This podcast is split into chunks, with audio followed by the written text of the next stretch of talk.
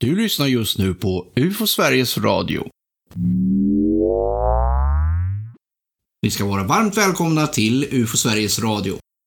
Idag ska vi berätta om vad som händer i vår förening och i UFO-världen i stort just nu och under våren.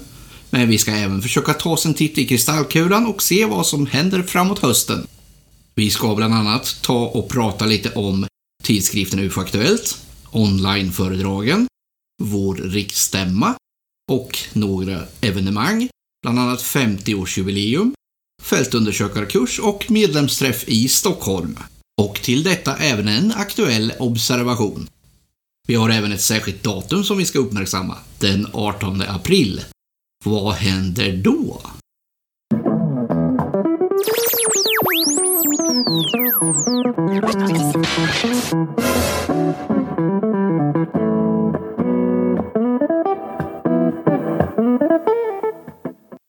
Då hälsar jag dig välkommen, Thomas. Ja, tack så mycket Tobias. Idag sitter vi här och vi ska berätta lite om vad som ska hända den närmaste framtiden här och vad tycker du? Ska vi börja med UFO-aktuellt? Ja, det är ju vår tidskrift. Jag sitter här med ett alldeles rykande färskt nummer i min hand här. Det är nummer 1, 2021 och det är väldigt fin framsida med den märkliga tingesten som vi kallar för Oumuamua. Men, Thomas, vi börjar med insidan istället. Vad hittar vi där? Ja, vi ska ta en titt på innehållet i UFO-aktuellt, men först ska vi bara säga att vi precis i dagarna här har fått eh, ett antal exemplar av tidskriften, ungefär 900, levererat här till AFU i Norrköping och direkt efter påskhelgen så samlar vi några stycken för att packa den här tidskriften i kuvert och posta ut den till alla våra prenumeranter. Det är faktiskt en av de få tillfällen då vi kan träffas fysiskt under de här rådande omständigheterna. Och då är det säkert många som undrar, vad är AFU? Och det är då den samlingsplats som UFO Sverige brukar ha och där vi också har UFO Sveriges rapportarkiv. AFU är ju en förkortning och den betyder då Arkivet för det oförklarade. Och det är väl egentligen den enda plats som UFO Sverige har som samlingsplats, som för fysisk aktivitet. Ja, det är ju många som kanske tror att UFO Sverige har någon egen lokal eller någon, att vi sitter på något kontor eller sådär, men det gör vi ju inte, utan vi, eh, vi har ett kansli i Sala eh, som är hemma hos Mats Nilsson faktiskt. Men för övrigt så är det ju här på AFU som vi kan träffas och ha eh, olika aktiviteter, som till exempel att spela in våra poddar. Ja, så det är inte någon fancy studio som någon kanske får för sig. Nej. Men vi tar en liten titt nu då på nästa nummer av UFA-aktuellt så kan alla få en liten teaser här om vad som kommer nu då till dem veckan efter påsk. Och då ska vi alltså eh, kika på bland annat en artikel som handlar om just det du sa, Oumuamua. Där är det en professor som har uttalat sig om att han tror att det är ett besök från en annan värld. Det är också en liten artikel om nya fakta om de japanska 1800-talsbilderna. Det är alltså bilder som kan eventuellt visa ufon långt bak i tiden. En artikel om den här nya amerikanska UFO-utredningen som kommer att läggas fram från den amerikanska militären. Så det finns det att läsa om och det ska vi också ta upp lite senare i podden. Vi har också en artikel om spökraketerna som ju nämligen i år fyller 75 år. Det är ju 1946 som det inträffade, detta fenomen, och eh, i år blir det alltså 75 år sedan. Ytterligare en annan artikel i tidningen handlar om myterna kring Bigfoot. Vi har ju alltid någon artikel som handlar om lite grann kryptozoologi och liknande, alltså märkliga varelser som kan finnas på vår lilla planet. Och förutom det här då så har vi våra ständiga inslag i tidningen. Ett avsnitt om bokrecensioner. Ett annat är en utblick över internationell ufologi. Vad händer runt om i världen? Och till slut också Pressspegeln som vi kallar det, då vi går igenom vad är det som skrivs om UFO i svensk media. Och avslutningsvis så är det också Rapportcentralen som skriver om två stycken intressanta rapporter. En från Bromma och en från Lund. Så det här är ett litet exempel då på vad man kan hitta i det nya numret. Och sen ska man ju inte glömma bort att det finns ju faktiskt lika mycket att läsa på baksidan kan man säga, om man vänder på tidningen. För då är det nämligen Norsk UFO-center som har sin tidning som är lika omfattande. Så här finns det massvis att läsa. En enda gång tror jag vi har haft samma artikel, en på svenska och en på norska. I andra fall så har det bara varit olika nyheter. Ja, det är ju fantastiskt. Då finns det ju massvis. Sammanlagt 64 sidor är tidningen på. Mycket att läsa. Men visst är det så att antalet prenumeranter på den här tidningen ökar och även för vår systertidning Rapportnytt? Ja, det verkar ju som att folk har fått upp ögonen för våra tidskrifter och vi, som sagt, ökar i antal prenumeranter på båda tidningarna. De kommer ju fyra nummer per år. UFO-aktuellt är ju den eh, tidskriften som även finns ute i handeln. Den trycker vi i färg. Och sen har vi Rapportnytt då, som är lite mer vår interna tidning kan man säga. Eh, som mest koncentrerar sig på rapporter och olika aspekter på verksamhet i UFO-Sverige. Den är på 24 sidor varje gång. Så det är väl så våra tidningar ser ut. Hur blir man då prenumerant på de här tidskrifterna? Enklast är ju naturligtvis att gå in på webbsidan som heter ufo.se och trycka på knappen som heter prenumerera. Där finns all information. Det är mycket enkelt att göra det och så kommer den direkt hem i brevlådan. Och ni som inte ännu har den, skynda er på så får ni ett ex direkt efter påsk. Och sen, eh, vi pratade om att vi sitter här på AFU. Och där har det väl hänt någonting här ganska nyligen med våra lokaler? Är det inte så? Ja, vi Tobias? har ju väldigt många lokaler. Jag vet inte exakt, är det 14 eller 15? Men det har ökat.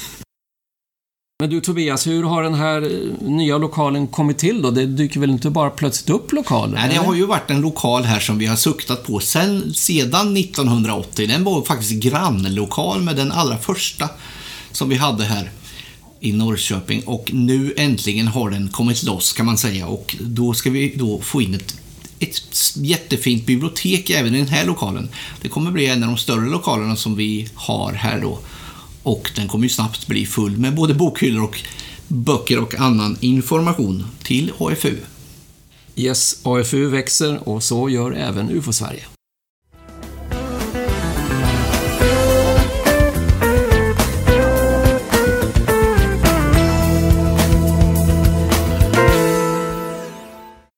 Då ska vi titta lite grann i backspegeln här. Eh, det var ju så under januari och februari att UFO-Sverige höll ett antal online-föredrag. Vi kan ju inte träffas fysiskt, så vi valde ju att använda den här appen som heter Zoom för att bjuda in till föredrag. Det här blev ju väldigt lyckat. Alla medlemmarna i UFO Sverige kunde vara med gratis. Övriga personer fick då betala en liten slant varje gång, 50 kronor. Och vi har ju tänkt att fortsätta med fler sådana här online-föredrag framöver. Och just nu så planerar vi faktiskt att ha ett föredrag i maj som kommer att handla om vår fältundersökarkurs. Då kan man fråga sig, vad är det för någonting? fältundersökarkurs. I normala fall ska man säga. När det inte pågår en pandemi så är det en fysisk kurs där vi samlas ufo-intresserade på ett speciellt ställe och har en, en kurs i ufologi och i ifologi skulle man väl kunna säga. Ja, just det. Vi lär oss ju alltså hur man kan identifiera misstolkningar. Men naturligtvis också tar vi upp äkta ufo-fall som är oförklarade, så man får lära sig om det också. Hur man undersöker ufo-rapporter från allmänheten. Vi brukar också ha en gästföreläsare som föreläser om något eh, anknytande ämne. Senaste gången så var det ju om eh, Bigfoot-fenomenet, eller Sasquatch som det också heter i USA och Kanada. Och till detta så är det ju mycket nyttigt för oss som har samma intresse att träffa varandra och utbyta kunskaper. Precis, och så brukar vi också ha lite praktiska uppgifter. Man ska lösa någon typ av fall, man får råka ut för någonting så man ska lista ut vad det är för någonting. Det brukar vara ett litet rollspel kan man säga. Så det kommer också att inträffa. Mycket intressant. Men som sagt, i år har det ju varit svårt. Hur blir det med kurs i år? Ja, normalt brukar vi hålla då kursen i oktober och vi hoppas ju verkligen att vi ska kunna göra det nu då i år. Om nu pandemin har släppt lite grann och vi har lyckats också vaccinera stora delar av befolkningen här nu till oktober. Då kommer vi att kunna genomföra kursen. Men vi vågar ju inte lova någonting. Det är ju det som är problemet här när man inte vet utvecklingen. Kommer naturligtvis framöver att ta emot eh, intresseförfrågningar och så får vi se under sommaren lite grann mer om vartåt det lutar helt enkelt. Men siktet är fortfarande inställt på oktober. Det är inte inställt, nej. Nej.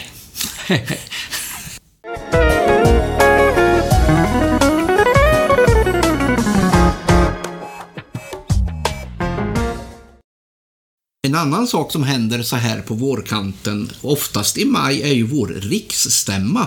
Var kommer ordet riksstämma ifrån? Det är ju egentligen vårt årsmöte. Ja, det där med riksstämma, det kommer ju från att vi är en riksorganisation, det vill säga en, omfatt, en förening som omfattar hela Sverige.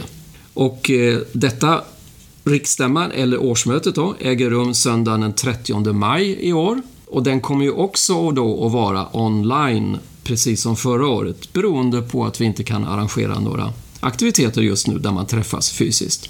Då kan man fråga sig, vad händer på en sån här riksstämma då? Ja, vi, dels så går vi igenom vad som hände förra året, berättar om vår verksamhet, vår ekonomi, hur den var. Men så blickar vi också framåt. Vi gör planerna här för kommande år. Eh, vi väljer en styrelse och vi bestämmer en ort för nästa fysiska riksstämma då, som vi hoppas ska kunna inträffa 2022 då, att vi kan träffas någonstans. Så det ska vi bestämma. Är man medlem i UFO Sverige, då har man ju rösträtt på den här riksstämman. Då är det ju så att eftersom vi i år håller den digitalt, då finns det ju lite större möjligheter för våra medlemmar att vara med faktiskt. För att det är ju så att när vi normalt har en riksstämma på någon ort i landet, då är det ju bara de som så att säga bor i närheten som kan vara med.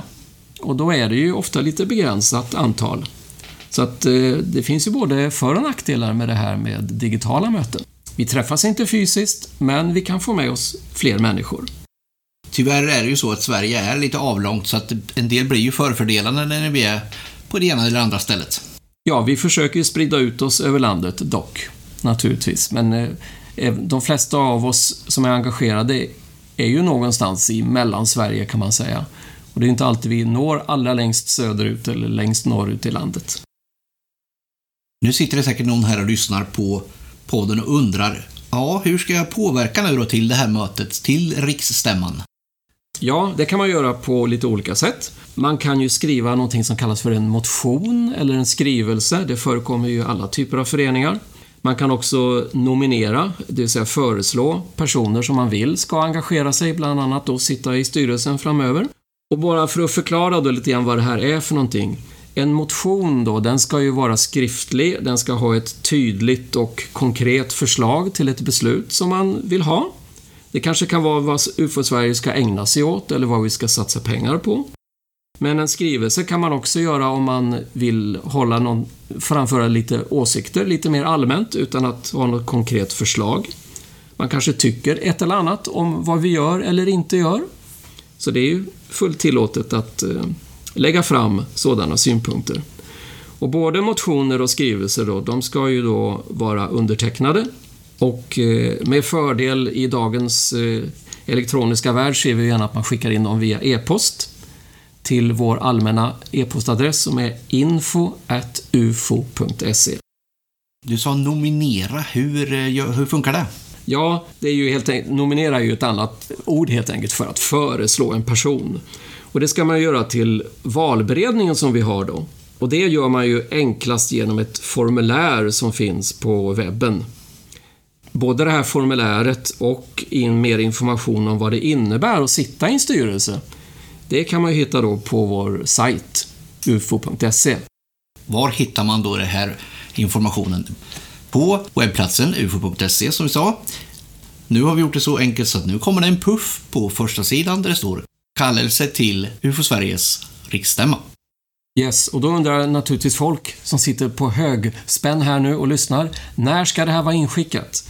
Och då är det så att både motioner och skrivelser och nomineringar, de ska vara inskickade senast den 18 april, en söndag här. Och det är därifrån som det här med 18 april i inledningen kom. Ett viktigt datum.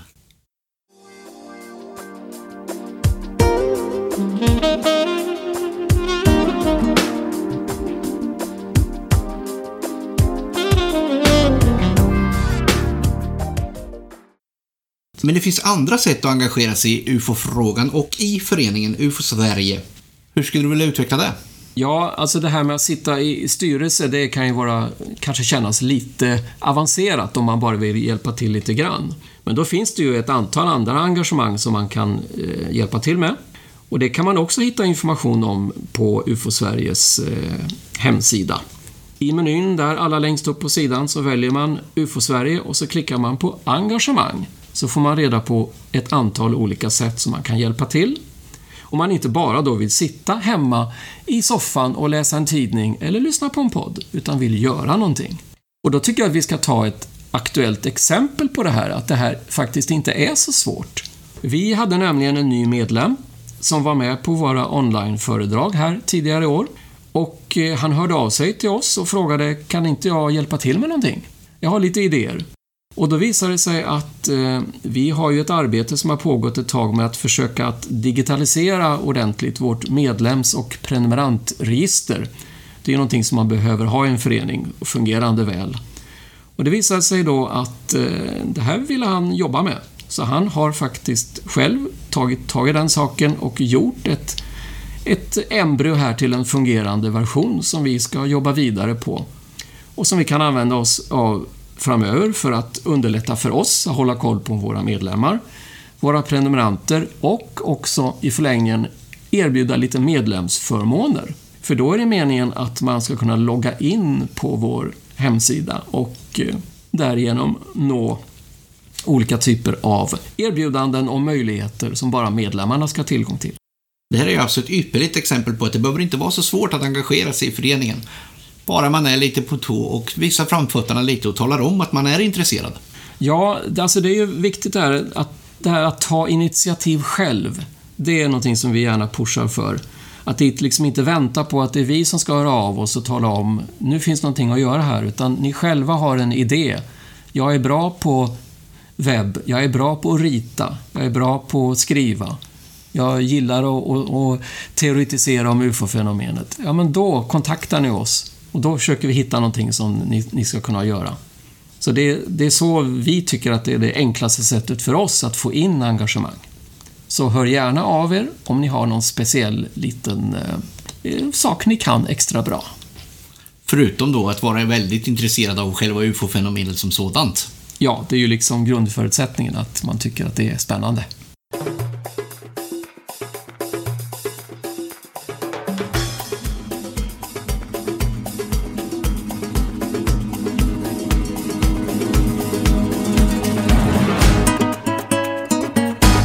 Det var väl ett tag sedan vi fick ett nyhetsbrev, men är det inte så att Anders Berglund har transformerat om det där till ett eh, medlemsbrev nu? Hur ligger det till där? Ja, så är det ju. Vår ordförande Anders, han är ju ansvarig för detta och eh, numera är det alltså bara ett brev, elektroniskt brev som går ut till våra medlemmar. Tidigare var det lite allmänt att man kunde visa intresse av att få det här nyhetsbrevet som vi kallar det då. Men nu har vi bestämt oss för att det är medlemmarna som ska få den här informationen. Och det kommer ungefär varannan månad. Och eh, det är faktiskt ett eh, sånt här nummer på gång nu eh, under eller direkt efter påskhelgen. Och det är ju viktigt då för att man som medlem ska kunna få det här brevet, det är ju att vi har din e-postadress så vi kan skicka brevet och annan information. Och det är ju så att har du anmält dig som medlem via vårt formulär på webben som ju finns där på hemsidan, då har vi redan din e-postadress.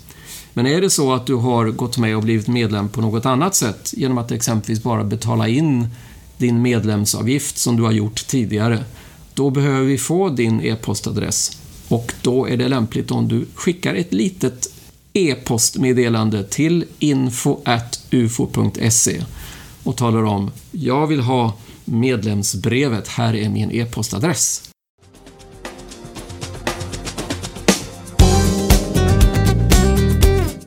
Då kastar vi oss över en annan aktuell sak, nämligen en observation som har kommit in till UFO Sverige. Det är ju så att det finns lite olika sätt att tala om att man har varit med om någonting annorlunda.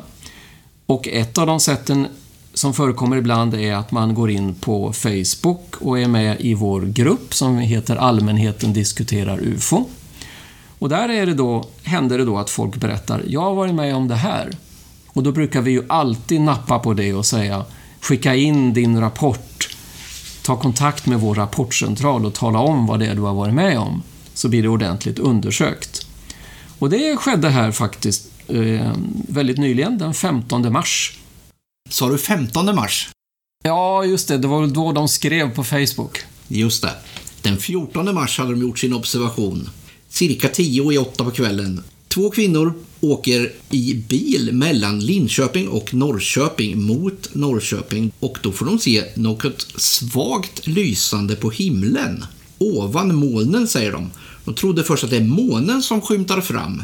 Och det här ljuset blir starkare. De tänker att det är ett flygplan. Ljuskällan är oval till formen och rör sig fram och tillbaka över himlen då, i pendlande stora rörelser.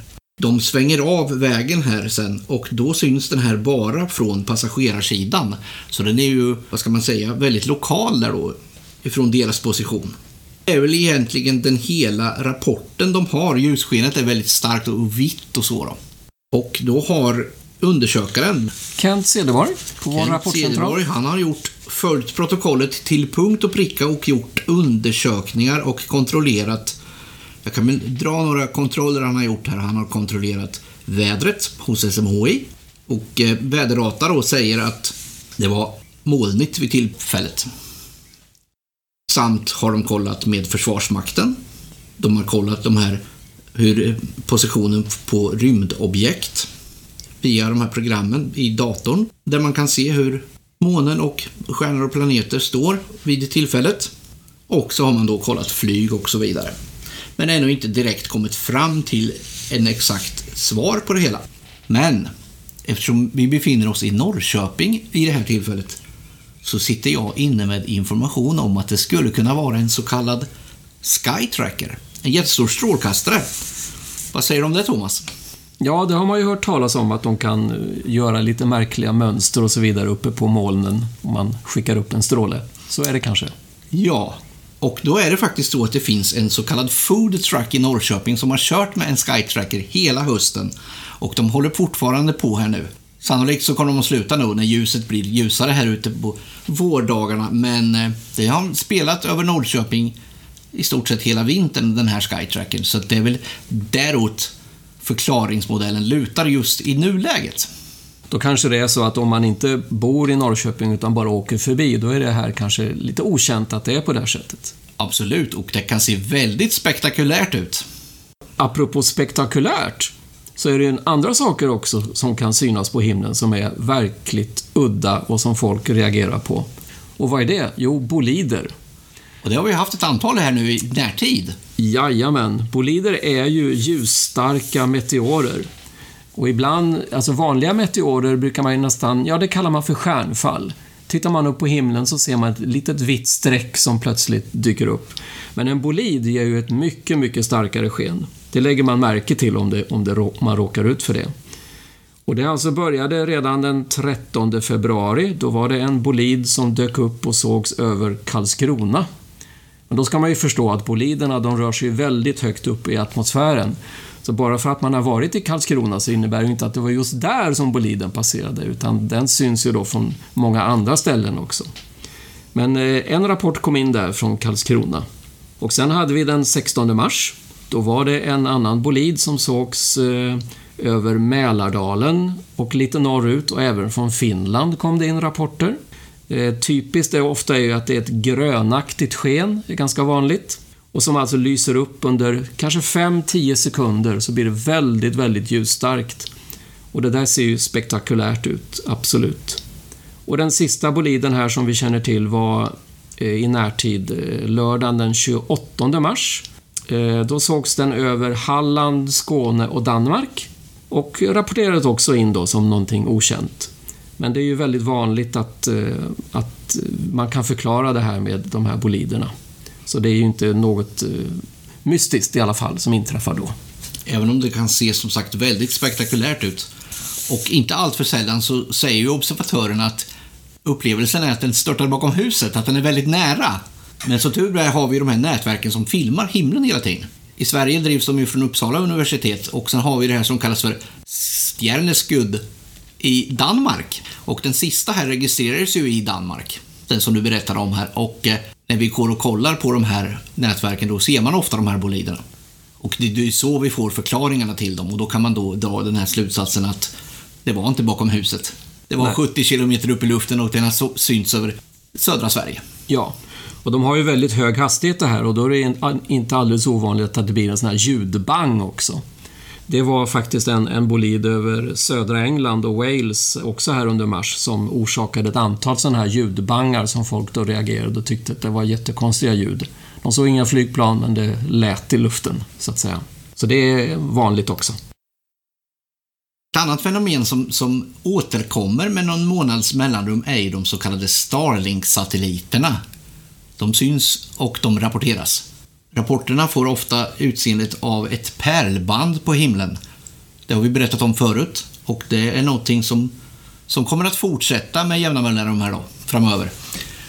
Ja, det brukar vara en uppskjutning ungefär en gång i månaden. Och det är alltså en samling med små satelliter, ungefär 60 stycken på en gång. Och när de då skickas upp så sitter de väldigt tätt ihop. Och sen med tiden liksom så glider de isär varandra, så då blir de som ett, som man tänker sig, ett tåg som passerar med liksom upplysta fönster. Och sen efter ett tag, ja då kommer de ännu längre ifrån varandra och då kan man tycka det är jättekonstigt. Där kommer en satellit, tycker man kanske tror, eller vad det är. Och så ytterligare en och så ytterligare en. Och så kanske man ser 10, 20, 30 stycken sådana där som går i samma bana. Och då tänker man, det där måste ju vara något märkligt. Men det är de här nya, ja inte nya kanske nu, de har hållit på i ett par år, men ganska så nya Och vi satellitprojekt. börjar väl närma oss tusen stycken, om jag inte är helt missunderrättad. Någonting åt det hållet, ja. Och det kommer att fortsätta att bli ännu fler, många fler tusen sådana satelliter. Men de här kommer att positionera ut sig runt jorden sen. Då kommer de inte synas på samma sätt och, och skapa sådana här rapporter. Nej, för då är de ju uppskjutna och syns liksom inte. De är så pass små. Ja, och de här ska då leverera internet till jordens alla hörn sen, så att man förklarar det.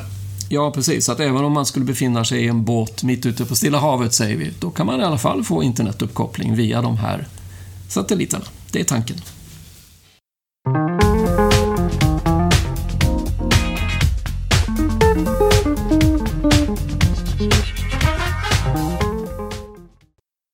Men Man har hört mycket nu att det florerar många rykten kring det här i, som händer i USA och att det ska komma information därifrån. Och då läser jag i UFO-aktuellt en rubrik som lyder “Många oklarheter kring USAs nya UFO-utredning”. Vad är det då? Jo, det kanske många känner till, men det var ju så att det var redan eh, förra året, sommaren 2020, som eh, amerikanska eh, militären fick i uppdrag av kongressen att utreda de militära observationer som har gjorts av UAP inom underrättelsetjänsten. Och den här rapporten då som man ska ge om det här fenomenet, det ska redovisas nu den 1 juni faktiskt. Eh, så det är ju det som är på gång och är väldigt intressant. UAV håller jag på med. Det betyder ju i princip drönare. Unmanned Aerial Vehicle. Men vad betyder UAP? Ja, just det. Det kanske är lite oklart. UAP betyder Unidentified Aerial Phenomena, alltså oförklarat luftburet fenomen. Det är ju den be- nya beteckningen som amerikanska militären har börjat använda. Man säger det istället för UFO.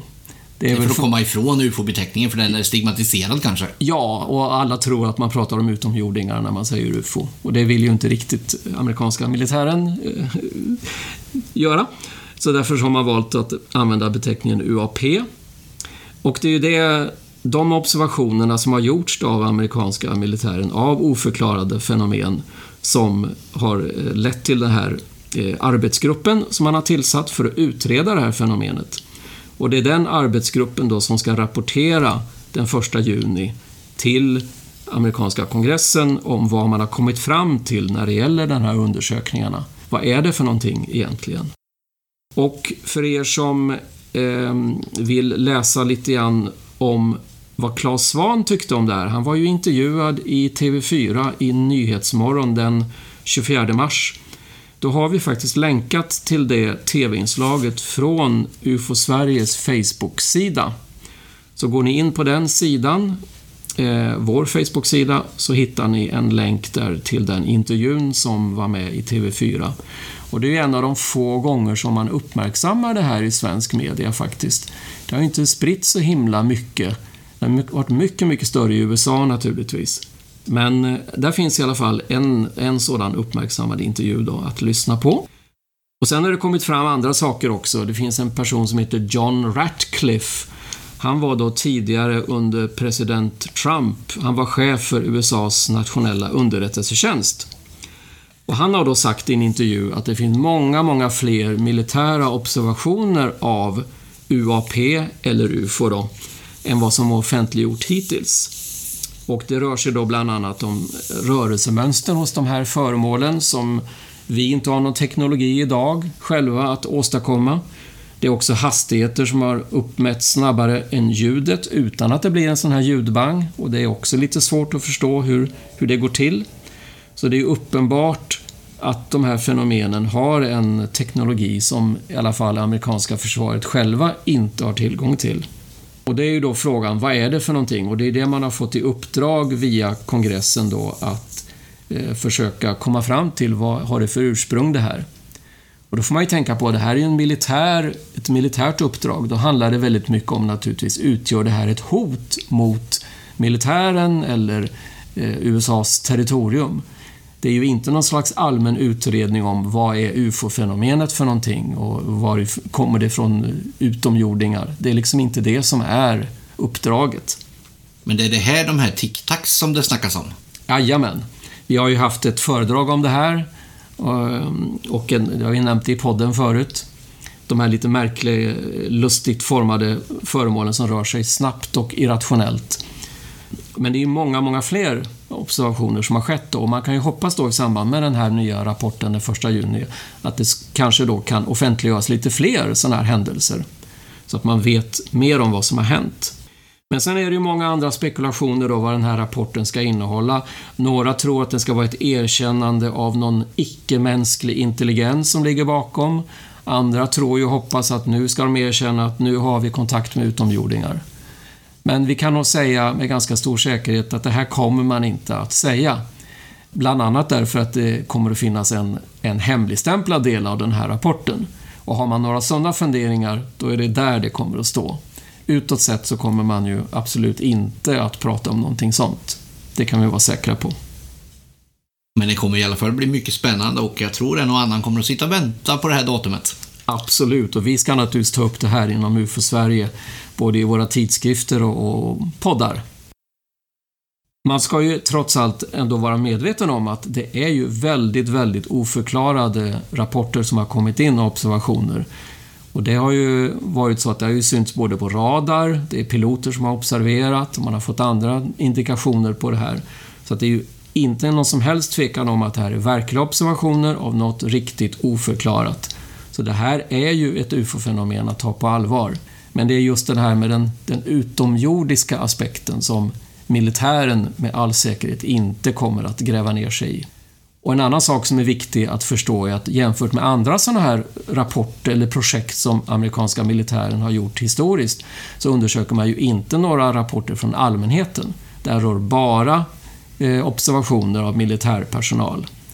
Som till exempel om folk har hört talas om Condon-rapporten till exempel, för många år sedan. Den gick ju igenom den amerikanska befolkningens observationer av UFO. Och det är alltså inte frågan om det här. Det är de militära observationerna det handlar om. Och grunden ligger alltså i om det skulle kunna vara något eventuellt hot? Ja, det är det som, upp, det, är det som ingår i det här uppdraget till underrättelsetjänsterna och militären att eh, komma fram till. Det är det som är det viktiga ur deras aspekt. Och det borde väl alla försvarsmakter ägna sig åt? Att Absolut. kontrollera om någon bryter mot någonting. Ja, men det är, ju, det är ju deras uppgift att försvara landet, så det är klart, allting som kränker luftrummet och som man inte kan försvara sig mot, det är ju naturligtvis hyperintressant att utreda. Men vi får se. Första juni, det ska bli spännande.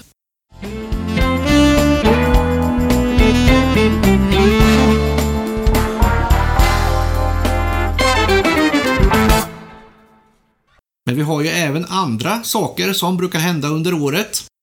Traditionella sådana, bland annat ett UFO-expo. 2020 skulle det ha även varit ett 50-årsjubileum. Vad eh, säger vi om det? Ja, vi ska väl börja med att förklara vad UFO Expo är för någonting. Det är ju en, en utställning som vi brukar hålla i samband med riksstämman som vi har pratat om. Så då har vi alltid kombinerat vårt årsmöte med eh, en utställning och med föredrag och olika typer av händelser och evenemang som gör att det blir lite mer spännande att gå på den här riksstämman. UFO-expon är ju öppen för alla. Eh, man behöver inte vara medlem på något sätt. Men det har ju inte gått att anordna UFO-expon. Och därför så bestämde vi ju när vi skulle fylla 50 år i april 2020 hade vi tänkt att ha 50-årsjubileum. Då skulle vi kombinera både riksstämma, UFO-expo och så en massa andra aktiviteter också i ett ännu större evenemang som skulle pågå under 3 till 4 dagar. Och det hade vi ju kommit ganska långt in i planeringen. Och sen så inträffade det någonting där i mars 2020 som gjorde att det blev lite svårt att genomföra det. Så det fick vi skjuta på på grund av pandemin då naturligtvis. Men då hade vi ju tänkt att då skulle vi ha saker som vi skulle ha en barnhörna. Det skulle vara ett familjeevenemang. Barnen skulle kunna vara med och eh, rita och berätta och fantisera om UFOs. Vi skulle ha ännu mer föredrag. Vi skulle ha en konstutställning. Vi skulle ha ett ännu större eh, bokbord än vad vi brukar ha och sälja böcker och tidningar och så vidare. Och en ännu mer välfylldare kiosk där vi säljer ufo-kaffe, ufo-muggen och fika och grejer. Ja, och sen inte minst då en, en stor fest på kvällen, en bankett kan man kanske kalla det för. Då vi naturligtvis skulle samlas alla som ville och äta god mat och få trevlig underhållning. Men allt det här har vi fått skjuta på och vi har nu bestämt att vi kommer inte att kunna anordna det här i år heller. Därför att vi har ju fältundersökarkursen i höst som vi har pratat om. Det är den vi satsar på. Och då kommer liksom jubileet i kläm igen. Så det kommer vi att skjuta på till våren 2022. Men vi kommer att försöka hålla kvar samma program och då fyller vi ju 52 istället. Det där får vi ju lösa på något finurligt sätt. Ha 50-årsjubileum trots att vi är 52. Det är alltid roligt att fylla år. Ja, precis.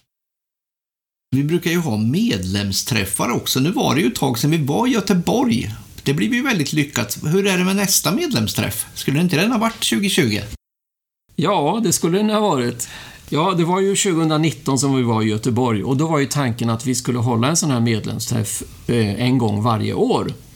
Då blev det lite svårt förra året. Då hade vi bestämt att vi skulle vara i Stockholm och vi hade tänkt att vara där i augusti, september någon gång. Fick vi skjuta på. Vi trodde vi skulle kunna hålla den efter årsskiftet, det vill säga någonstans nu, där vi befinner oss. Det gick inte heller. Så nu får vi skjuta på denna träff ytterligare då och hoppas att vi kan genomföra den under vintern eller början av nästa år. Det är där vi hamnar i tidsprogrammet. Men vi har ändå bestämt att det är Stockholm som gäller. Och varför det? Ja, det är naturligtvis för att det bor väldigt mycket folk och väldigt många medlemmar i Stockholm med omnejd.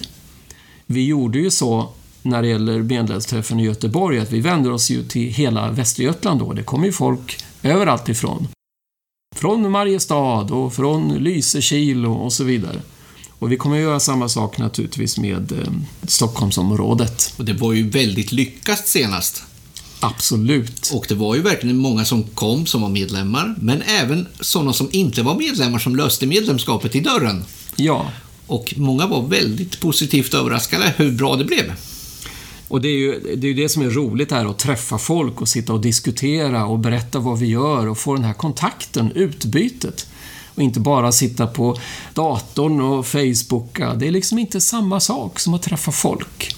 Så det är ju det vi vill åstadkomma. Är, vi vill ju ha bättre kontakt med våra medlemmar. Och det är det som de här medlemsträffarna är menat att vara. Och när vi nu genomför den här då i Stockholm nästa gång, när det nu blir, så kommer vi då, gången därefter har vi sagt att vi ska vara någonstans i Norrland. Så vi ska försöka växla mellan Götaland, Svealand, Norrland. Så att vi sprider ut det här på olika ställen så att alla har en chans att komma om man bor någonstans i närheten.